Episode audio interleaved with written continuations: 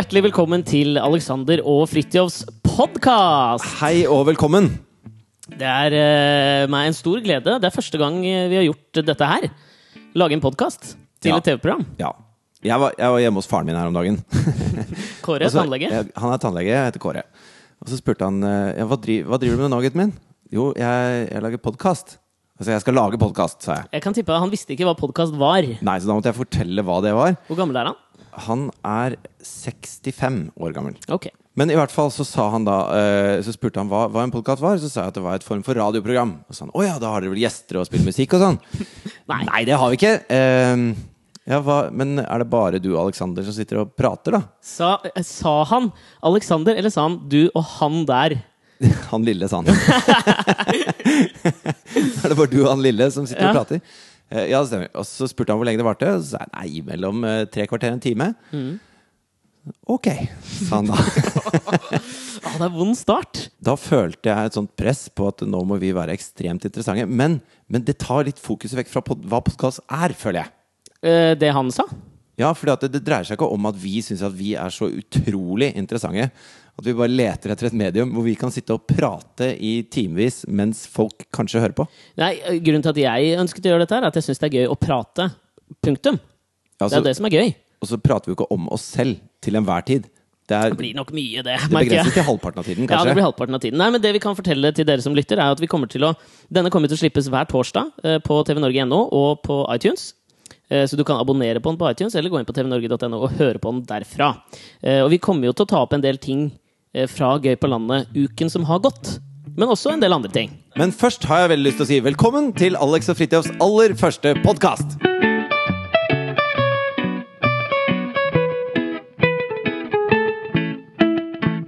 Det første problemet vi møtte når vi skulle lage en podkast, var jo hva den skulle hete. Og da tenkte vi skal det hete Alex og Fridtjofs podkast eller Fridtjof og Alex podkast. Fordi vi har lyst til å holde det enkelt, da. For meg var det helt åpenbart at den skulle hete, og dette var ikke en sånn narsissismetankegang, at den skulle hete Alex og Fridtjofs podkast av den enkle årsak Ikke litt. Ja, kanskje litt. Det var litt. Det var litt. Men du, Du liker å være fus. Ja, ja, jeg er enebarn. Har alltid vært fus. Uh, jo, at uh, det er mye enklere ikke sant? med uh, genitivs-s-en på Fridtjofs istedenfor Alexes. Det er mange Men vil forvirre det. Noen, noen som helst ville sagt Fridtjof Har du hørt Fridtjof og Alexes podkast? Nei, men det er bare når man skal søke det opp i søkemotoren på iTunes, så vil noen sikkert slenge på genitivs eh, en sånn apostrof før s-en. Og det er jo sterkt imot. Til de av dere som ikke kjenner min makker, så må jeg si at han var ekstremt aktiv i Norges Mållags Ungdom. Og, og er det på en måte fremdeles. Jeg, jeg, Er du medlem fremdeles? Nei, jeg er ikke det, men det som er litt gøy med det, var at jeg var medlem da jeg gikk på ungdomsskolen, og det var rimelig flaut. Du vet, du blir, får et stigma når læ- norsklæreren din For jeg bestilte Men du da skryter av dette fremdeles. Ja, jeg, det stigmaet liker du. Du elsker det. Ja, okay, jeg kan like det litt, da, men det var ikke så kult akkurat da, for jeg hadde da bestilt, eller liksom meldt meg inn via adressen til min videregående skole. Sånn at eh, velkomstpakka, ja, det fins en, den kom da til skolen, og den fikk jeg utdelt fra norsklæreren i norsktimen. Det var liksom unison ja, buing fra resten av klassen. er, det, er så det er verre enn å komme med tulipaner til frøken, altså. Og et eple, liksom. Eh, Det var meg. Ja. Vet du hva jeg syns er fascinerende? Nei.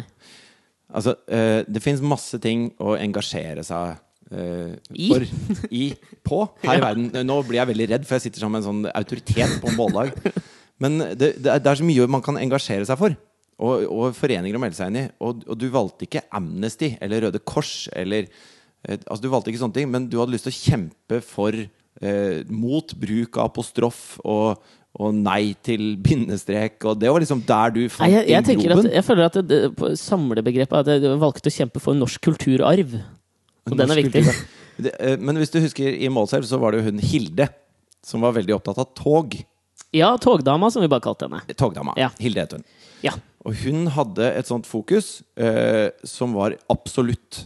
Altså, hun, alt hennes eksistens dreide seg om, var å få tog opp dit. Å ja. Vi prøvde jo å snakke med noen andre ting. Det gikk ikke, det. Det gikk ikke. Og hun har gode grunner, og jeg, jeg verdsetter hennes grunner til å ville ha tog opp til Målselv.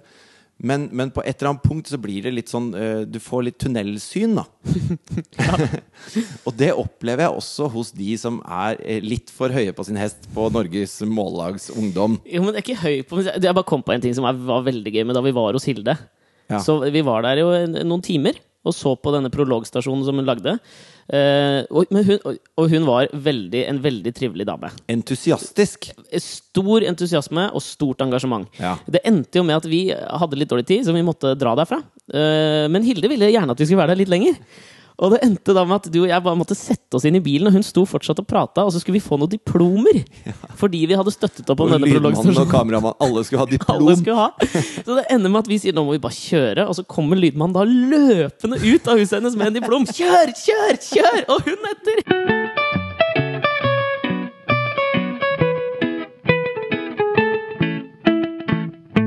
En ting som jeg tenkte på, som jeg syns var veldig gøy med Målselv, var at det var den første kommunen vi var i. Eh, Det er jo alltid litt spennende. Og vi kommer til de stedene som vi er i, altså de kommunene, de kommer vi til en dag før. Og da møter vi litt folk, og så snakker litt med dem og finner ut hva vi skal gjøre. Og da hadde vi et møte med ordføreren, Helene. Helene Rognli fra partiet Høyre. Ja. Hun skulle få TV-tid for første gang, skikkelig. Og det hun hadde fått, var et massivt forkjølelsesår rett under nesa. ja.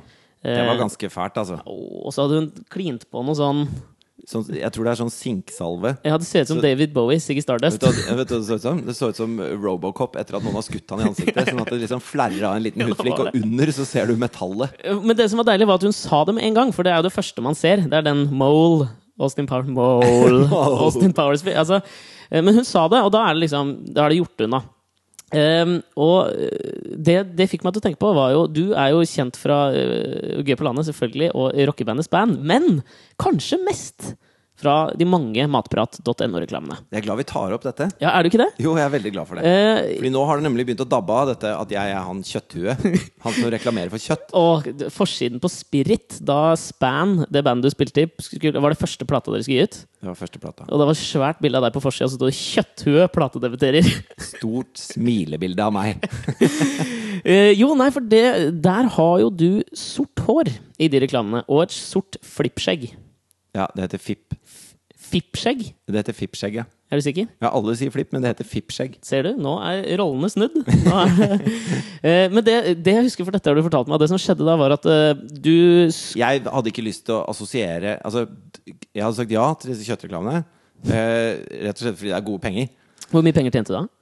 Er ikke det en privatsak, egentlig? Var det, hvor, hvor mange reklamer var det? Det var, til sammen så ble det 47 reklamefilmer. 47 forskjellige retter. Skal jeg 200 000, eller? Nei, det var, øh, Det var mer enn det. ja, det var ganske 300 400 500 000. Det som var greia, da, Da sier vi Var- 600 000. var at, eh, var at eh, jeg hadde ikke lyst til å assosieres med på en måte eh, kjøttreklamer og band. Så jeg tenkte at hvis jeg har en annen person altså, Du vet sånn som Slash har flosshatt, ikke sant? Da er han Slash. Mens hvis han har hestehale, så er han ikke Guns N' Roses, på en måte.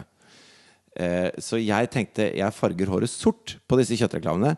For da er, det ingen som, da er det ingen som skjønner at det er meg. Verdens dårligste forkledning! Men det var verdt et for... Altså, det er typisk spionting å gjøre. Ja, ok. Men hva skjedde da du skulle farge håret ditt sort? Jeg har aldri farga håret før, så jeg kjøper sånn sort hårfarge på Rimi. Og så tar jeg det i håret, og så tenker jeg det ser veldig teit ut. Jeg har veldig veldig lyse øyenbryn og, og ansiktshår generelt. Så jeg tok det da også i fippen og i øyenbrynene og kinnskjegget og håret med tilhørende hodebunn. Og da jeg skylte håret i dusjen, så så jeg at dette har jo farget eh, huden også. Det det, det var ikke jeg klar over. Du vet Ulvejenta som kom på VG1 en gang i året, som har hår overalt. Sånn får jeg se for meg at du hadde i panna. Altså, det det ser ut som som studentteater hvis du har blitt sminka som en gruvearbeider. Sånn ser det ut. sånn bare Ta den sprittusjen her og smink deg selv. Ja. Altså, det var mitt forkjølelsessår, da, på en måte.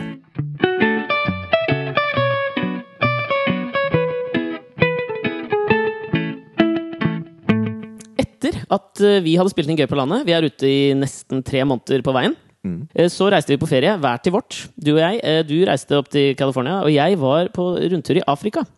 Og da jeg satt på flyet hjem, så bladde jeg i det flybladet. For jeg er ikke så innmari glad i fly, så jeg prøver å liksom finne tid- Avlede deg. Avlede meg Du doper deg også ganske kraftig. Jeg gjør det. Så det var én pille og en Hva er det du sånn, tar? noe jeg har fått av legen. Hva er det det heter nå? en slags ekvivalent til valium er det. Er det Sobril? Eh, Det kan det godt være. For det, jeg hadde en kjip opplevelse på fly Ja. i fjor, sammen med deg. ja, det husker vi. Ja, det var ikke noe gøy. Uff a meg. Jeg ble henta Jeg føler at det var da vi ble venner. Jeg. Det var definitivt da vi ble Altså, du vet venner. når man er kamerater, Mm. og så plutselig kommer man under huden og, og blir venner.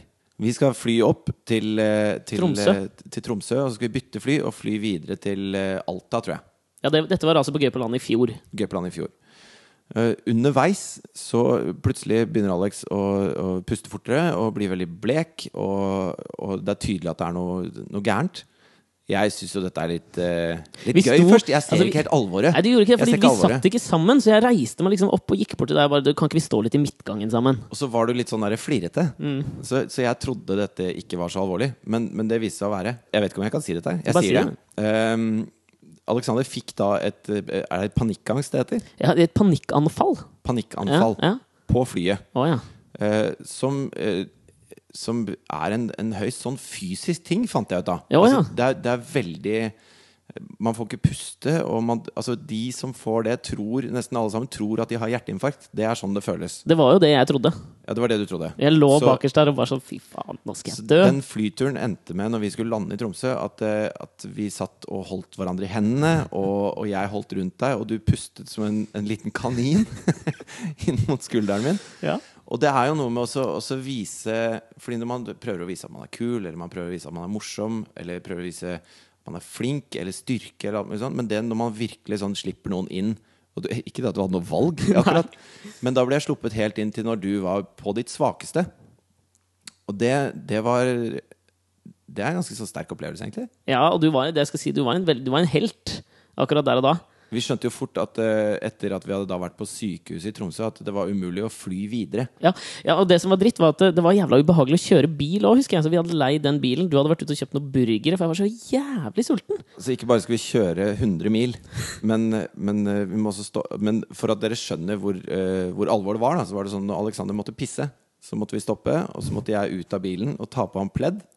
Og så løfte liksom armen, armen hans opp på skuldrene mine og stabbe eh, sånn halvbære han borti en busk. Og, hvor jeg så snudde meg, sånn at han kunne urinere i fred. Og så legge han tilbake i bilen og kjøre videre i 40 km i timen. Ja, det var jo ikke noe hyggelig, jeg, men jeg, ler, jeg kan le av det nå. Men jeg merker jeg har fått veldig liksom, respekt for folk som ja, etter, etter det jeg ble sånn redd for å fly, og jeg har fått veldig respekt for folk som er litt redde for det. Men åssen takler man det når det skjer? For det skjer jo oppi Altså det starter oppi huet på deg. Ja, ja. Og så sprer det seg rundt i kroppen, sånn at det blir en, en genuin, reell på en måte reaksjon. Ja, fordi jeg tror det som var poenget Åssen- forteller man huet sitt at du tar feil? Jo, nei, men eh, det har blitt lettere etter hvert. Fordi det, da det skjedde på det flyet, hadde du aldri opplevd noe sånt før. Jeg. Og det, det første du tenker når det bare stikker i hjertet ditt, er jo ikke Dette må være noe med huet, si. Du tenker jo 'nå får jeg hjerteinfarkt'. Nå skjærer det seg, og jeg er på et fly. Det er ikke noen leger her. Eh, men etter hvert ikke sant? Dette har jo, måte, jeg har jo fått noen sånne et, i etterkant òg. Men da vet du på en måte at dette bare er huet som spiller deg et puss. Hvis man Er kan si det sånn. sånn, jeg har lest at uh, impotens er 97 av til Jeg har lest dette. Jeg liker at du kobler impotens til Jo, men min det er en form for impotens. Det er Ja. hjertet som blir impotent. Ja, ja, ja. Eh, altså, så er, for 97% så er det en mental sperre Mm. som, som er grunnen til impotens. Og, og det er jo en veldig sånn pressa situasjon når du skal penetrere. Sånn at, sånn at, du da på en måte skal si til, til kroppen din da, at eh, bare kom igjen, eh, fordi dette sitter bare oppi huet mitt, det, er jo, det må jo være veldig vanskelig. Det er utrolig vanskelig. Men det, det som jeg har funnet ut, er jo at det, det, gjelder jo bare i visse altså Det er noen situasjoner som er verre i enn andre ting. Det jeg har funnet ut for meg er liksom Fly er topp én. Men og nummer to, veldig rart dette her, men det er kinosal. Jeg takler ikke å gå på kino lenger. Jeg. Var, nei, jeg, var, jeg var sammen med to kompiser og så den der eh, Batman-filmen. Den siste Batman-filmen. Fikk ikke med meg en dritt. Men den har jo noen sånne panikkangstkonnotasjoner, da. Definitivt. Så det er liksom de to tingene. Men nå, altså, nå går jo det der mye bedre. Kan vi, du se Istid 4, for eksempel? Tror du du får angst av det? Eh, spørs om jeg er på sånn mammakino. Da tror jeg jeg hadde fått litt angst. Eksistensiell angst. Herregud, jeg er, jeg er singel, snart 30, jeg, jeg har ikke noe sted å bo. Jeg har ikke fått barn. Hva faen er det jeg gjør med livet mitt?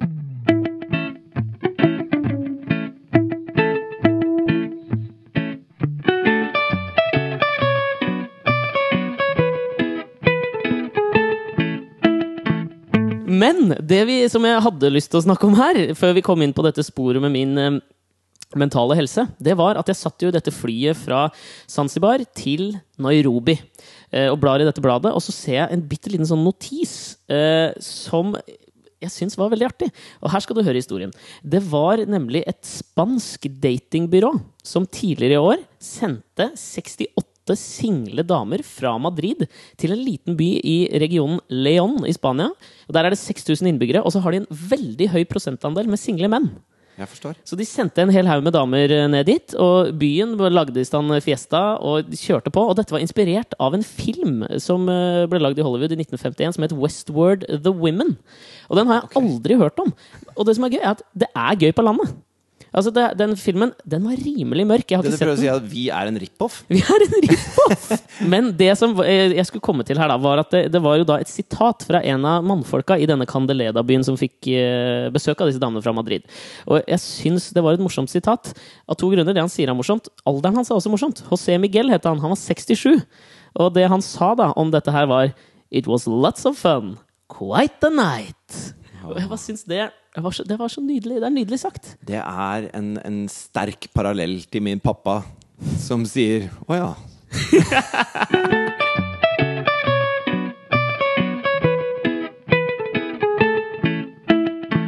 En ting som jeg syns er fascinerende når vi ser programmet på TV Skal jeg avbryte deg med en gang, eller skal vi fortelle hvor vi sitter hen? Vi sitter jo hjemme på kjøkkenet ditt Vi sitter på kjøkkenet hjemme hos meg. på Grünerløkka i Oslo. Det gjør vi. Vi sitter på kjøkkenbordet, og så har vi to mikrofoner, en hver. Og for å få det i riktig høyde, så har Alexander da lagt Shantaram, som er en relativt tykk bok, under sin mikrofon. Mens jeg Jeg har har møtt han hodejegerne. Shantaram en gang. jeg. Gregory David Roberts. Har du det? Ja, han var, jeg jobbet som researcher på Senkveld, og da var han gjest en gang. Da måtte jeg lese hele boka på typ sånn tre dager. Hva syns du? Den er, den er grei. Trodde du på han? Jeg kjøpte det ikke. Og Jeg irriterer Jeg meg irriterer meg sånne folk som da på en måte utgir seg for å være sånn Ja, dette er sant. Og så måtte jeg se, så jeg gjennom en del sånne eh, talkshow-intervjuer som han hadde gjort før. Og han, drar de samme historiene, og det er jo det er greit, det. Altså, men jeg, jeg merker jeg blir litt sånn lei av det. Oh, I was the most kind bank robber. Jeg brukte ingenting. Jeg, sa, jeg brukte ikke våpen. Jeg sa bare 'gi meg penga', sorry, jeg har en misbrukervane. Jeg må. Sånt ble jeg litt irritert. Jeg tror ikke noe på det. Tror du folk har det sånn med folk som sier 'Å, panikkangst'? Nei, det er helt, helt annen ting. Det jeg skulle fram til var at Når jeg sitter og ser på Gøy på landet, så syns jeg det er fascinerende hvor uh, eh, forskjellig jeg opplever de dagene på TV og på ordentlig. Spesielt da disse gutta og disse jentene. For at gutta, de, uh, når vi møter dem for første gang, og de, de står foran hele bygda og er tydelig nervøse, selvfølgelig. Det hadde jeg vært òg. Og så ser jeg det på TV, og så ser jeg eh, da at eh, Øystein er veldig trygg og sikker. Og Bjørn Ole Litt mer usikker var han vel. Men han er jo en jævla flørt! Åh, Altså, jeg er så Altså, jeg er ikke noe Jeg kan ikke sjekke. Men Bjørn Ole virker som en sånn derre han, han virker som en sånn rutine... Altså, han blunker hele tida. Han, han sier Jo, men vet du hva, jeg tror du kan ta feil, for han har veldig, han har veldig smale øyne. Så det kan hende at du bare tenker at han blunker, men at det ser ut Han blunker jo med det ene. Altså Når han sier eh, Nå er ikke jeg noen kløpper på dialekter, men eh, eh, Du er søt. Ja, den var bra. Å ja, Og da, der så jeg da nå. blunker han med det ene øyet på, på, akkurat på søt. Og det tenker jeg, det er timing. Det er søt. Dette har han planlagt. Jo, men det er en hårfin grense der, mener jeg. Altså, fordi altså, jeg syns begge de to gutta var utrolig koselige karer. Eh, og jeg skal lo Altså, min maks Altså, du veit at jeg blir fort flau av ting. Og Vi lager jo pute-TV. Ja, definitivt. Og jeg satt og så på uh, Gøy på landet denne uka sammen med min kamerat Dan, som jeg bor sammen med. På et tidspunkt så sitter han med fire puter foran uh, ansiktet, og jeg ligger jo nede i sofaen. Og det var da Bjørn Ole skulle Kan jeg gjette? Kan jeg gjette? Ja, du kan få lov å gjette. Da han skulle dele ut premien for fotokonkurransen Ja. etter Elsafarien. Nummer én, det å si at premien er en klem og en nuss. Altså, jeg har et anstrengt forhold til ordet nuss. Det er det man gjør med barna sine, nusser man. Voksne kvinner, de kysser man. På kinnet også? Alt som skjer med lepper, er kyss. Suss, da. Nei, samme. Det gjør man med tanter. Ja, ok. Ja, Det var altså Siri Ja. som reiser seg opp og skal få premien, og så ser du Og det vakreste er først kosen. kosen, og og så, Men da ser du at han på vei tilbake fra kosen, så fukter han leppene litt. Gjør og så gjør han seg klar til å gå inn, og har øya lukka. Og så sier hun Ja, du får den på kinnet. Det er, så Men det er den der, den, der, eh, den lille tvisten med hodet der, hvor begge nøler i et mikrosekund. Ja. Og det er det mikrosekundet som får, gir meg lyst til å spise opp en sofapute. Da. altså, da er det på sitt aller pinligste. Men det skal han ha! For han ga gass. Og, og, og Øystein får jo da tyn av de andre damene fordi han ikke prøver. Han, bare, han, han, han er kompis. Han lager hyggelige, hyggelige, hyggelig tid. Ja. Og jeg, jeg syns jo at eh, selv, om, selv om det er veldig pinlig å se på Bjørn Ole av og til, så er jeg nødt til å ta av meg hatten for den. Fordi at det, med alle mennesker rundt deg, og med alt som skjer, og alt det presset, og, og den korte tida og alt mulig, så kjører han på. Altså når de, med en gang det er litt alenetid Første gang det er alenetid under denne elgsafarien, Rett borti hånda. hånda på låret Ja, ja. på Miley's. Ikke sant? Og, og Siri han merker at det er ikke greia med henne. Jeg setter meg litt nærmere. Jeg, altså, han, bare, han leser damer og, og prøver å kjøre på. Og de fleste av oss eh, klarer jo ikke å gjøre det mens alle står og ser på, og du har dårlig tid, og du aner ikke hva hun dama syns. Nei, sjekkemessig adaptiv. Men jeg tror jo det at når Trude etterlyste mer innsats fra Øystein Det gjorde også litt vondt for meg, om jeg kan få si det. Ja. Men Trude, da er jo du også nødt til å gjøre deg selv litt attraktiv.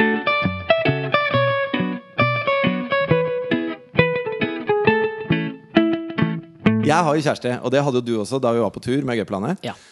Og, og da syns jeg det var veldig deilig at jeg slapp å, å være en del av det sirkuset der og være singel. Eh, men siden det så har du blitt singel. Og så har jeg begynt å tenke, fordi at eh, når jeg er ute, f.eks., så har jeg På byen, altså. ja. Ja. på byen eller i sosiale sammenhenger hvor man møter nye mennesker. Du, jeg tenker jeg Grunnen til at jeg sånn- spør, er at du er jo litt eldre, så jeg tenker du drar ikke på byen, du drar i middagsselskap. Eventuelt. Ja. Eller eh, man Ja, ok. Kall det hva du vil. Når du er ute i middagsselskap Jeg var eh, på byen her på fredag. Ja, det er, jeg veit det, fordi du sendte meg en melding. Ja, Da får ja, jeg melding av Fridtjof eh, type tolv-halv etters, hvor det står bare 'Hvor høy er du?' Og så svarer jeg tilbake 'Hvor høy jeg er?' Åssen det, liksom. Har du lyst til å gå på date? Og, Jeg veit ikke. Jeg svarer et eller annet. Får se et Jeg bilde likte å sende meldingen på den måten. Ja, jeg Hvor høy er du? Jeg, men jeg likte altså, Hva svarte du? Hvor høy er du? Uh, det jeg svarte, var 1,74. Men det er det Og det i står parentes, parentes. Det står 1,74 i passet mitt, men jeg tror jeg er 1,73. Kanskje du prøver å skryte på deg én centimeter. Ja. Når du er så lav, så gjelder hver centimeter veldig mye. Kjør på, hva du skulle si. Når man står eh, i en situasjon hvor man møter nye mennesker, så føler jeg at jeg har en sånn opptatt aura. Altså jeg er, jeg, eh, jeg er veldig imøtekommende, men ikke på en eh, potensielt ligge med-måte. Og ikke på en sensuell måte. Jeg er ikke sensuell. Jeg kan være eh, eh, ikke flø Jeg kan være flørtete, men, men på en sånn at jeg har lyst til å være morsom og interessant måte. Det jeg skulle fram til, var at eh, seksualdriften er jo en av de sterkeste driftene vi har. Eh, så eh, plutselig ble jeg litt sånn misunnelig på at jeg ikke kan møte folk på den måten. Altså Når jeg møter nye mennesker, så kan jeg være interessant og morsom på alle måter jeg kan være interessant og morsom på. Men, men kroppen min får de aldri. og jeg, eh, jeg har det veldig bra i det forholdet jeg er i. Jeg har ikke noe behov for å gå ut og, og, og ligge med andre jenter. I det hele tatt. Men det hadde vært deilig å være interessant på den måten. Føler du, nå som du har blitt singel veldig nylig, at, at måten du møter folk på, har forandra seg? Det er et godt spørsmål. Det der har jeg ikke tenkt så mye på, men jeg tror jeg kan svare et bekreftende ja på det. Jeg tror ikke jeg klarer å si noe om an hvordan andre oppfatter meg, men jeg oppfatter jo på en måte meg sjøl. Så går jeg inn, inn i sosial interaksjon med noen av det motsatte kjønn på en annen måte nå, fordi jeg tenker potensielt at du og jeg, vi kunne jo faktisk ha, ha ligget sammen. det er ikke det eneste, da.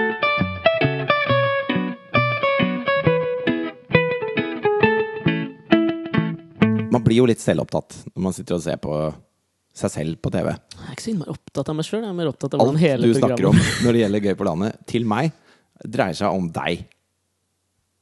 Ingen kommentar. Men eh, jeg har lyst til å gi deg et kompliment. Fordi på Altså, eh, vi etterstreber jo å være en slags eh, folkelig, glad versjon av oss selv. At vi fremdeles er oss selv, men at vi har, er, er mer positivt innstilt, da. Til alt. Og alle. Elsker Bygde-Norge. Elsker alle vi møter. Og det er, altså, det er sant. Jeg lever livet mitt sånn. Jeg lever også livet mitt sånn. Men når vi sitter og ser på selv, så ser vi jo at det er bare noen få små, vakre øyeblikk hvor vi klarer å være helt 100% oss selv. Ja. Og det i, de, I løpet av de fire første episodene skjedde dette øyeblikket med deg, Alexander. I aller første episode. Ja, jeg veit hvor du skal hen. Når du kom med altså den En Altså- latter er det du skal på jakt etter. ja, Jeg har episode. skrevet eh, noen notater her, og da står det 'Alex sin mongolatter'. Jo, bakgrunnshistorien er at det er et slags mellomstikk. Og stikkene er jo når du og jeg står og prater til kamera for å forklare et eller annet. Dette stikket skulle dreie seg om at vi skulle forklare hva som skjedde etter en pause. eller noe sånt nå. Ja, altså eh, De skulle drikke champagne og spise Sveler. Og multesyltetøy. Ja. Og så sitter jeg da med en flaske champagne, og så mens vi, mens vi gjør dette her, så får jeg det for meg at jeg skal riste, riste litt på den og sprute det i ansiktet til Alexander. Ja. Eh, hvorpå altså Det kommer så bardust på deg, da. At du, at du Og i tillegg syns jeg det var gøy. Ja, det bobler opp en, en slags ekte eh, mongolatter, da. Ja. Eh, Altså For å illustrere det, så tror jeg det beste Kan ikke vi ta oss og klippe inn nå ti repetisjoner av denne lille latteren til Alexander? Kos dere. Vi får ta en sympatiskål. Skal vi gjøre det? Ja. Gap opp.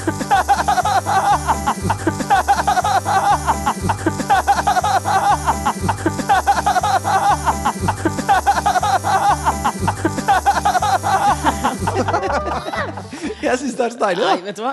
Vet du hva? Jeg, jeg blir oppriktig flau når jeg hører det der. Jeg blir så skikkelig flau. Jeg føler at folk kommer inn i, i, i en eller annen del av min personlighet som jeg har lyst til å Som du ikke er i kontakt med selv engang. Nei, jeg visste ikke at det fantes der inne. Jeg visste ikke at Den latteren visste ikke jeg at fantes inni meg. Men det er det jeg mener. Det er nettopp det jeg leter etter. Altså, det er da det er ekte, da. Når du eh, ikke lenger er i du, er ikke, du har ikke herre over situasjonen. Du har ikke kontroll. Du bare slipper ut det som er Alexander sin herlige lille mongolatter. Og det blir da et veldig sånn verdifullt lite øyeblikk for meg. På samme måte som når Bjørn Ole prøver å kysse Siri. Og det lille mikrosekundet når begge to skjønner at dette bærer helt feil av sted, Ja, det... da er det ekte. Da er jeg nysgjerrig. Man trenger bare noen små fnugg av ekthet for at et TV-program skal være ekte. I motsetning til en podkast, tenker jeg. Her sitter vi på kjøkkenet. Det er deg og meg. To mikker. To mikker, det er bare oss. Nei, ikke gjør det en gang til.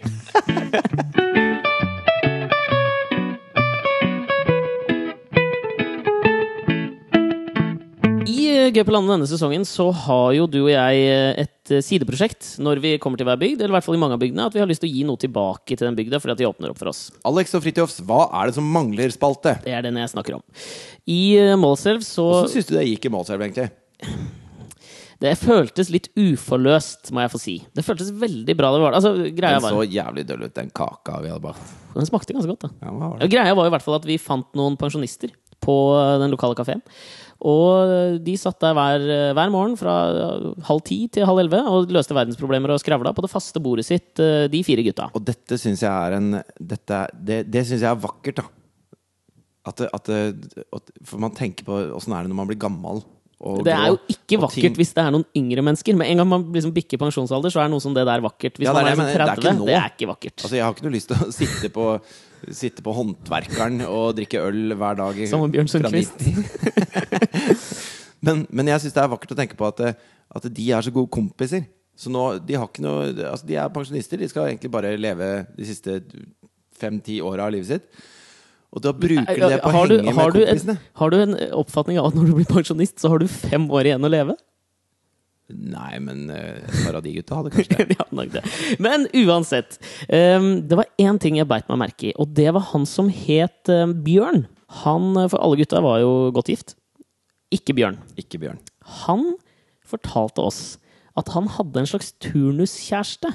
Så hver, Han hadde leddgikt. Så hver, eh, hvert år så måtte han reise tre måneder tror jeg det var, ned til Spania, fordi klimaet der gjør det bedre. Og da hadde han Der hadde han dame! Han hadde dame Og tre måneder i året. helt tipp topp. Det synes syns han var helt perfekt. Den perfekte mengden kjæreste var tre måneder i året. Og det er da jeg lurer litt på Når i ditt livsløp er det legitimt å foreslå det overfor en dame? For de må jo ha blitt enige om dette her. På, på hvilket Men hadde du syntes det hadde vært topp nå? Uh, Nei, jeg tror ikke det. Tror du det har noe med hvor gammel man er? Hvor, tror- når når man det? Jeg tror at hvis man er singel lenge, da, og en, en sånn gammel krok som Bjørn har potensielt da mellom eh, sin kone og denne kvartalskjæresten brukt mye tid på å sitte på kafeen på Prix i Målselv og løse verdensproblemer sammen med kompisene, og andre ting som han føler er formålstjenlig for sin eksistens. Så eh, han er blitt så vant til åssen han har lyst til å gjøre ting, og, og hvordan han lever livet sitt, at det er egentlig ikke plass til noen nye som skal overta og fortelle han hvordan han skal være. Så jeg tror for han så er det helt perfekt. Jo, men på et tids, altså, han må jo foreslå dette her. Det er ikke sånn at han reiser plutselig bare drar han fra Spania. Han må jo foreslå dette for en dame. Ehm, jeg kan prøve med Katrine. Altså, Katrine er min kjæreste, og uh, Thea er jo en, eh, En fantastisk fem år gammel jente som eh, Det er datteren til uh, Katrine, datteren til ikke din datter. Nei, men, men i praksis så blir det jo et slags sånn uh, pappaforhold, da. Du er veldig lite glad i Jeg har sagt noen ganger når vi har vært sammen, så har jeg liksom forklart hvem Thea er til noen venner som du møter, og da, da, har, du, da har jeg sagt stefar. Og det er begrep du ikke er glad i. Ja, Det er fordi disse små barna sitter og ser på Snehvit hele tiden, og alt som har ordet 'ste' foran, eh, det er også ordet 'ond' foran. Det er den Ond onde stefaren, eller den onde stemoren, eller den onde ste, et eller annet. Så jeg, jeg er ikke så komfortabel med ste, stebetegnelsen. Men i hvert fall så eh, plutselig hører jeg Katrine begynner å le høyt da, mens hun sitter med mobilen sin. Og så viser det seg at Thea, da, som er fem år, hun har tatt mobilen den morgenen. Og så har hun gått inn på soverommet vårt, og så har hun bygd da en borg av puter og, og dyner. Og så har jeg kommet eh, ut av dusjen, og så står jeg på soverommet eh, helt naken og, og finner fram klær. Og da hun Står du altså, står, Når du går ut av dusjen, ja, tar du på en måte Det er på ingen Jeg henger igjen håndkle. Ja, gjør du det? Går du naken gjennom uh, leiligheten? Å, ja, ja. Nei, gjør du det? ja, ja. Jeg, du har to typer mennesker i verden. ja jeg går inn på soverommet for å kle på meg, da. men det, kan jeg komme med bare en teaser før du går videre? da Det er at uh, i løpet av denne sesongen med Gøy på landet, så kommer dere til å få se uh, skrittet til Fridtjof på en uheldig måte. Det var en liten teaser. Nå kan du få lov å fortsette med det. Du var naken, du var på soverommet. Thea hadde bygd en borg. Ja, så Jeg kommer da naken inn på soverommet, og så står jeg og tar ut eh, klær. Mens hun da har laget et lite hull i denne borgen. Og med da Katrine sin mobil så tar hun masse bilder av meg. så det er, bare, det er masse nakenbilder av meg på mobilen til Katrine. Bøyde du deg i uheldige positurer? Nei, eh, nei egentlig ikke. Det, var, eh, altså, det, som var, det som var mest fascinerende for meg, er at jeg har aldri sett meg fra den siden Du, før. så, du bladde gjennom bildene og så på det etterpå? Katrine bladde gjennom de bildene mens hun lo høyt. Dette høres ut som en sånn derre Marianne Aas Hansen slash Kjetil Tefke slash Kåre Conradi-tabbe som kan gjøre hvis Katrine mister mobilen og har de lagret nå, så kommer de til å flyte opp på den eh, deiligst.no-siden etter hvert og sånn. Ja, jeg, jeg tror ikke det. Kan Men, jeg eh, oppfordre, hvis noen men- der ute kan men stjele mobilen til lite Katrine visste eventuelt de som stjeler mobilen, at fotografen, paparazzien, er en fem år gammel jente ved navn Thea.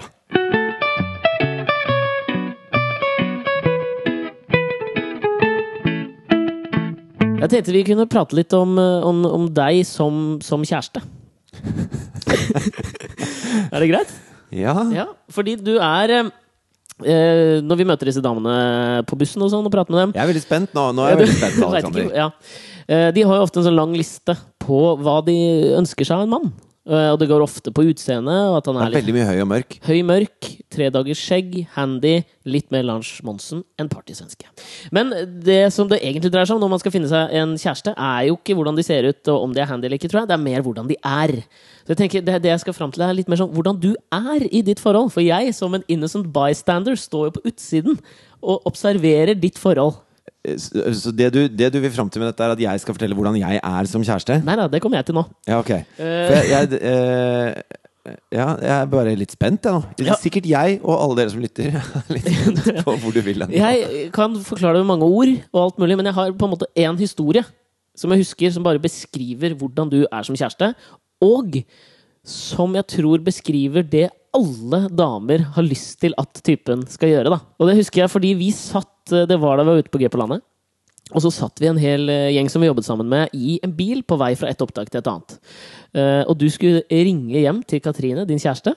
Uh, og du ringer hjem og koseprater litt, og du blir alltid litt mykere når du prater med henne på telefonen, Ja, enn når du prater med f.eks. meg. Nå rødmer du. Men uh, det du gjør, da er at du prater med henne en stund, og finner ut at hun er på jobb. Og det er litt sånn koseprat, og hvordan går det, og alt det der. Det du gjør så, er at du sier til Katrine Sett mobilen din på høyttaler nå. Og så hører jeg Katrine si ja, men jeg, jeg sitter jo i åpent kontorlandskap, jeg kan ikke gjøre det. Jo, men bare, bare, bare hør på meg, Katrine. Jenta mi, sett mobilen på høyttaler nå. Og så får du henne etter hvert, og så spør du sånn Er det på høyttaler? Ja. Hører alle dere på kontoret til Katrine meg? Ja, får vi, hører vi tilbake. Og så roper du inn i telefonen 'Jeg elsker Katrine!'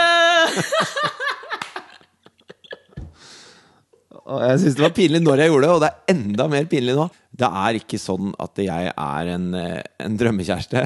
Eh, Men det det er, er at jeg er veldig kompetativ. Sånn at eh, når vi er på tur, Og alle, alle sliter med å holde god stemning på hjemmefronten, selv om vi er ute ni uker i strekk og lager planer, f.eks. Elleve? Elleve, ja. For pokker.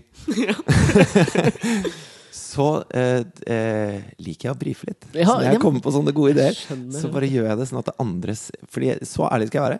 Jeg digger å brife. men, men det er jo ikke sånn at det bare er rosenrødt på hjemmefronten hele tiden. For ca. et år siden så var jeg på, på smuget, av alle steder. altså, så jeg, jeg hadde sykla til smuget. Var du og Øyvind Fjellheim, da, eller? Det er mulig han var der. Du veit ikke hvem det er? Jo, det er han, men før det! Ja, før det! Men før det! Ja, det. Men før det så Ja. var jeg på smuget. Og jeg hadde tatt med, jeg sykkelen min. Og så hadde jeg låst fast sykkelen til sykkelstativet utafor. Og så ble det kjempeseint. Og så kom jeg ut uh, og skulle dra hjem.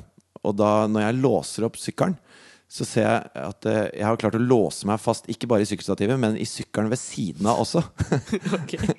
Og på setet mitt så står det en sånn uh, Post-It-lapp. Fra da eieren av denne andre sykkelen. Ja, han hadde sikkert- ikke kommet seg løs. han kom seg ikke løs, vet du. Så han skulle sikkert dra for en god del timer siden, for det var blitt jævlig seint. så står det 'Takk skal du ha, dust'. Og det er, ganske, eh, det er ganske ofte at sånne meningsutvekslinger hjemme også er eh, veldig like det jeg tror han på den Post-It-lappen følte. Ja, er det det? For du, Skjønner du hva jeg tenker når jeg sier til deg at eh, som en utenforstående til ditt forhold, så ser det veldig bra ut? Det ser Da har jeg lykkes. Da har har jeg lykkes.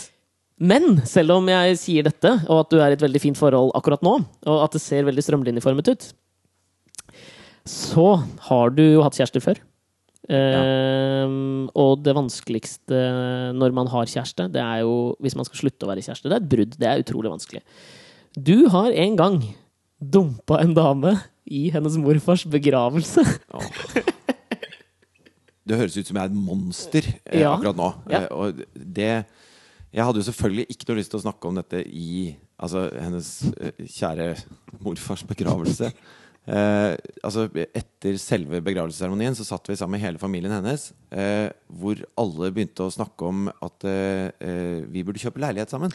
Du slår meg som en type som glir lett inn i Jeg er svigermors drøm. Du er det. Yes. Skal jeg si deg litt av grunnen til at jeg tror det? Fordi du Jeg er så sinnssykt folkelig. ja, du, du er jævlig folkelig og jovial, men, det er det. men jeg tror det handler om din egen bakgrunn, din egen familiebakgrunn, som er rimelig Jeg skal ikke si det Broket er ikke ordet jeg leter etter. Eklektisk. Den er eklektisk. Den er liksom ni søsken, sted, halv, kvart, tredd, og alle er liksom søsken.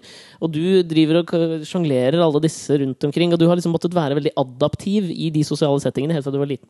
Dette var altså en sosial setting som jeg hadde virkelig problemer i. Fordi at eh, Vi satt der da og snakket om, eh, og det var ikke jeg som tok det opp i det hele tatt, at, eh, at vi burde kjøpe en leilighet sammen. Hvor jeg sa at det har, det har ikke jeg penger til, liksom. Uh, og så sa de nei, men det er ikke noe problem, vi kan hjelpe dere litt. Og vi stiller sikkerhet og alt mulig sånn. Så ble liksom hele For dette var jo en veldig trist dag, så hele familien ble sånn gira på at de skulle ha et eller annet positivt og fint å Ja, fokusere de på. Så de det. samlet seg rundt den saken at jeg skulle da kjøpe leilighet sammen med min kjære. Eh, og dette var eh, på en måte eh, samtidig som jeg syns at eh, dette, dette hadde utspilt sin rolle, dette forholdet, da. Ja. Så jeg ble jo sikkert litt rar, eh, og hadde ikke lyst til å, eh, å fortelle hvorfor. Og så, og så, når vi kjørte derfra, så, så spurte hun sånn Hva er det for noe? Og så sa jeg nei, det er ingenting. Det er, det er bare veldig Dette er veldig trist. Og? Men i, i hvert fall så sier jeg da at det er ingenting. Og så holder jeg på det lenge. Men hun ser jo at det er et eller annet, så hun fortsetter å, å dytte. Og så sier, Sier du- jeg sier de livsfarlige Ja. ordene eh, Jeg har ikke lyst til å snakke om det nå. Det er jo på mange måter det røde flagget for kvinner. Det. Ja, ja. Da er det bare Ingenting annet skjer i livet før Nei. det som ligger bak det ordene der, har kommet ut. det er ikke noe vits å begynne å to timer senere så endte vi jo eh, med at det da var slutt. Eh, den dagen hun hadde gravlagt sin eh, morfar, som hun var veldig glad i. Jeg er en historie. drittfyr. Ja.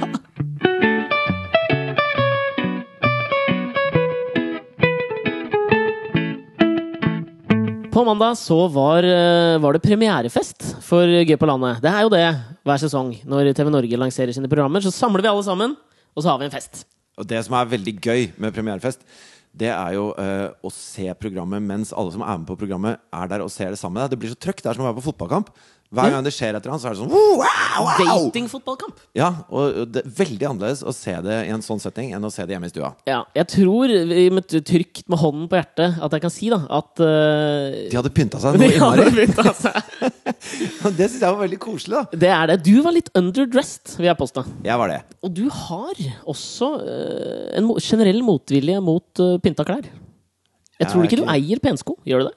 Jeg hater pensko. Ja. Ikke til forveksling med pene sko. Du har veldig mange pene sko. Jeg har mange pene sko, men jeg liker ikke pensko. Men det, det var jo én ting som jeg Det var mange ting jeg husker fra Og det er mange ting jeg ikke husker òg, fra den premierefesten. Nummer én. Jeg tror enhver singel mann i hele Oslo kunne tenkt seg å ha vært på den premierefesten med de damene. Det gjør noe med vibben, vibben på et utested når det er så Det heter ikke Vibben. Hva heter det? Vibben. Vibben? Vibben. Det gjør jo noe med vibben på et utested. Ja, det. Når det er Altså når det, er, det, det var så mye østrogen oppi lufta der. Det var så, det, altså du ser bare blikk flyr øh, fantasi løper løpsk, kler av gutter Det er liksom sånn det var bananas. Jeg så bare at vi fikk god drikke og så et TV-program, og det var gøy. Ja. Ok. Men den andre tingen jeg husker, som var øh, Det var rimelig flaut. Øystein kom jo bort og prata med oss. Jeg vet ikke om du husker det Øystein, som er en av onklene fra den første uka her. Ja. Han øh, hadde hengt seg opp i mine hender. Det er mange som henger seg opp i dine hender. Eh, men jo, han syns jeg har veldig vakre hender. Og jeg har ganske små hender. Eh, jeg stå, eh, nå driver jeg og viser dem til deg. De er eh, tender. Er det et ord som kan beskrive dem? Tendre. Altså, eh, Hendene til Alexander er veldig fine. De er, de er veldig små. Det er sånn Nei, kom igjen, da! Jo, hvis jeg hadde bare sett hånden din, og, eh, sånn litt ensom et eller annet sted, Ja. så hadde jeg bøyd meg ned til den og så hadde jeg sagt 'Hvor er pappaen din, da?' Nei, fuck you. Men det han sa, da, Øystein sa i hvert fall at han hadde tenkt en del på hendene mine. Og grunnen til det var at uh, han hadde da sagt til en kompis De hadde fått noen spørsmål om hvordan vi var. Ja. Så han hadde sagt til en kompis at uh, han lille, Alex, han har så pene hender at han er den eneste mannen jeg kunne tenkt å la meg bli onanert av.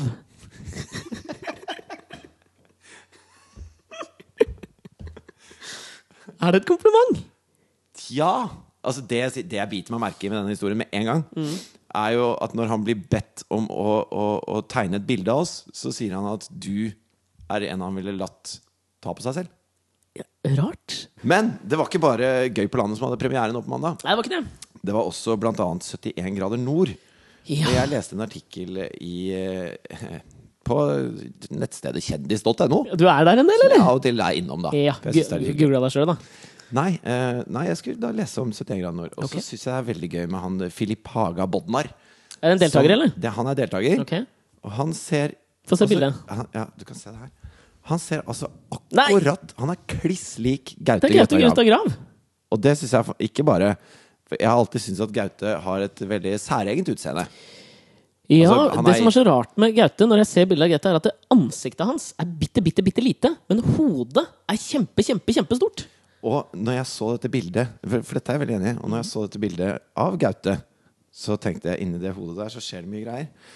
Og jeg har også hørt nemlig at han har laget sin egen, eh, sin egen app. Har du vært inne og sett på den? eller? Jeg har ikke vært inne og sett på den. Skal du, gå- går du inn og ser på den da? Jeg er inne på den da. Så greia er, inn på AppStore. Dette syns jeg alle skal gå inn og gjøre. Gå inn på AppStore, og så søker du på Gaute Grøtta Grav, tror jeg. Nei, du, bare Gaute. Ba There is only one Gaute. Det er klart det er det. Den er gratis. Okay. Eh, den har fått fem stjerner Oi! av fem stykker, og er produsert av eh, firmaet Gaute Media.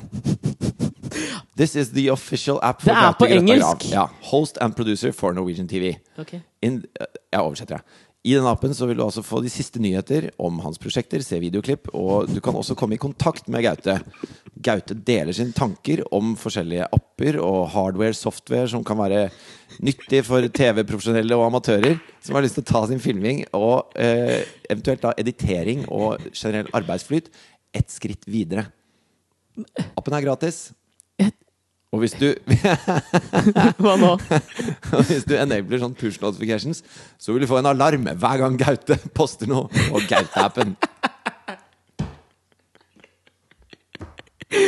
Er det dette Vet du hva? Nå skjønner jeg endelig begrepet altså Det er en slags multimedial hybris signert Gaute Grøtta Grav, er det ikke det? Altså, hvem er det? Kan, får man noe tall på hvor mange som har lastet ned? Kan man se det der, eller? Nei, Hvis du kontakter Gaute Media, så er det sikkert noen tall tilgjengelig på det. Kanskje vi kan gjøre det? Kanskje vi kan spørre Gaute Media om de kan komme tilbake til oss med noen tall på uh, hvor mange som Du, det hadde vært litt gøy. Vi spør om det nå.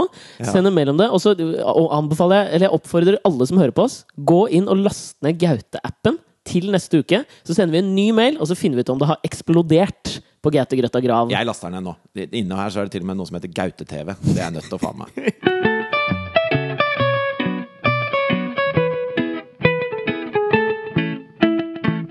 På et tidspunkt i løpet av den eh, første uka her, så eh, hadde jeg en dårlig følelse. Det var egentlig bare én gang, men det var, det var til gjengjeld Det var en stor og dårlig følelse. Jeg tror jeg vet hva du snakker om nå. Det var den siste dagen. Ja. Bjørn Ole og Øystein ble stående igjen helt alene. Eh, Og når vi drar, så er det jo ikke sånn at Altså, vi må jo ha med oss kameraene og alt som står igjen. Så du og jeg, i hvert fall, vi hopper av bussen og vi sier ha det til bygda og til de gutta og sånn. Og da vi skulle gå bort til dem og si ha det til dem etterpå Jeg hadde, jeg hadde så vondt i hjertet. Jeg, det var jo ikke bare når vi kom bort etterpå, det var også når vi sto der med hele bygda. Og vi ønsker jo at, eh, at det skal være en slags god stemning da, gjennom hele programmet. Og jeg hadde ikke noe god stemning da du så de én etter én snu ryggen til og, og gå bort. Og jeg følte at det var meg når jeg sto der. Jeg, jeg tok på en måte på meg hele bygda og disse to gutta. Fordi at det, er det, mo- er det projisering? Nei, det er injisering. Du injiserte andre følelser. jeg ble infisert av deres følelser. og jeg, jeg vet jo det at eh, altså, disse gutta er jo nødt til å prøve å sjarmere de damene til å hoppe av. Og det er jo ikke noe garanti for at de får seg dame ved at de melder seg på et sånt program. Så det er jo helt legitimt at ingen hoppa. Men allikevel så fikk jeg så ufattelig dårlig samvittighet, fordi alle hadde stilt opp i så stor grad. Eh, Og Og så tror jeg faktisk at de gutta også, selv om det ikke er noen garanti, så tror jeg ikke de på noe tidspunkt egentlig tenker at ingen kommer til, kommer til å hoppe av. For jeg tror, hvis, hvis de hadde tenkt mye på det, så hadde de ikke meldt seg på i utgangspunktet. Tror du det? Nei, eh, altså jeg tror eh, Jeg vet ærlig talt ikke hvorfor noen melder seg på Gøy på landet. Men det er jo fordi at Men det er hyggelig takk og lov at de gjør det. Takk Gud for at de gjør det. Da